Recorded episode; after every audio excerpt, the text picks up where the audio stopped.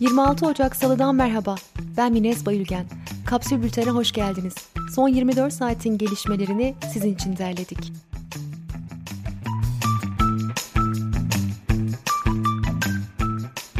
Oxfam'ın 79 ülkeden 300 iktisatçının görüşüne başvurarak hazırladığı rapora göre dünya genelindeki ekonomik eşitsizlik pandemide daha da arttı.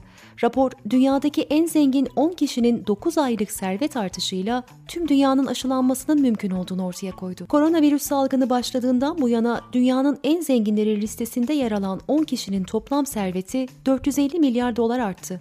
Servetini en fazla artıran isimse Tesla ve SpaceX'in kurucu CEO'su Elon Musk oldu. Dışişleri Bakanı Çavuşoğlu, Gine Körfezi'nde baskın düzenlenen Mozart adlı gemiden 15 kişiyi kaçıran korsanların henüz kimseyle temasa geçmediğini açıkladı.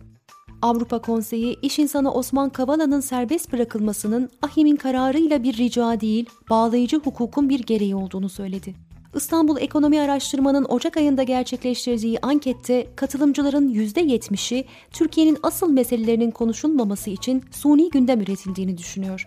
Kültür ve Turizm Bakanlığı yurt dışında Türkiye'yi tanıtacak 19 şefi belirledi. Şefler arasında Mehmet Gürs, Arda Türkmen, Nusret Gökçe, Refika Birgül ve Somer Sivrioğlu gibi isimler var.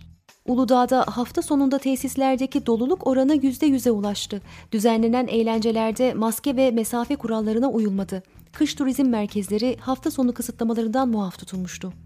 Dolmabahçe ve Çırağan hattı üzerinde bulunan asırlık Londra çınarlarından 30'u doku bozuklaşması mantarı hastalığına yakalandıkları için kesildi. İBB bu ağaçların yerine doğu çınarlarının ekileceğini açıkladı. Türkiye'ye Çin'den dün sabah gelen 6,5 milyon doz koronavak aşısı 2 haftalık analiz sürecinden geçecek. Sağlık Bakanı Koca 80 yaş ve üzerindeki yurttaşların dün itibarıyla aşı olacağını duyurdu. Aşı işlemleri sağlık kuruluşlarında yapılacak. İtalya, aşıların teslimatında yaşanan gecikme ve aksaklıklar nedeniyle Pfizer'la AstraZeneca'ya dava açacaklarını duyurdu. ABD merkezli ilaç şirketi Moderna, geliştirdikleri aşının İngiltere ve Güney Afrika'da görülen mutasyona uğramış türler için de etkili olduğunu açıkladı. Türkiye ve Yunanistan 5 yıl aradan sonra dün İstanbul'da istikşafi görüşmeler kapsamında bir araya geldi. İki ülke ilk turu 2002'de yapılan istikşafi görüşmeleri sürdürme kararı aldı. Rusya lideri Putin, yasa dışı kaynaklarla kendisine lüks bir saray yaptırdığını söyleyen tutuklu muhalif siyasetçi Navalny'nin iddiası için montaj ve derleme dedi. Hollanda'da salgın önlemleri kapsamında yürürlüğe giren sokağa çıkma kısıtlamasına yönelik protestolar büyüyor. Amsterdam dahil 15 kente acil durum ilan edildi. ABD Başkanı Biden, Trump tarafından getirilen trans bireylerin orduya katılma yasağını kaldırdı. Google aşılama çabalarına yardımcı olmak amacıyla ABD'de sahip olduğu bina, otopark ve açık alanları aşılama tesisi olarak hizmete sunacağını duyurdu.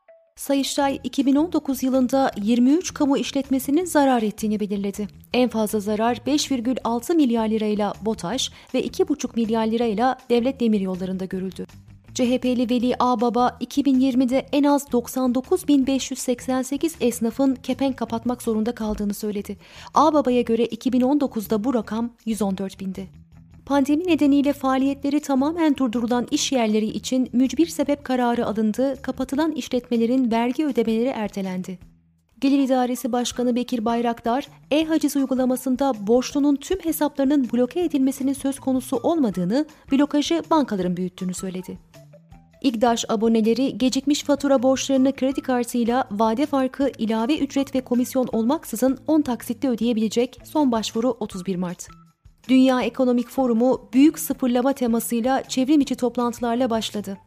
Günün sözüyle kapatıyoruz. Almanya Başbakanı Merkel'in 16 eyaletin başbakanı ile yaptığı salgın toplantısında telefonundan oyun oynadığı için eleştirilen Türingen Eyaleti Başbakanı Bodo Ramelov, kimileri Sudoku, kimileri satranç ya da Scrabble oynuyor. Ben de Candy Crush oynadım. Kapsül'ün e-bültenlerine abone olmak için kapsül.com.tr'yi ziyaret edebilirsiniz. Hoşçakalın.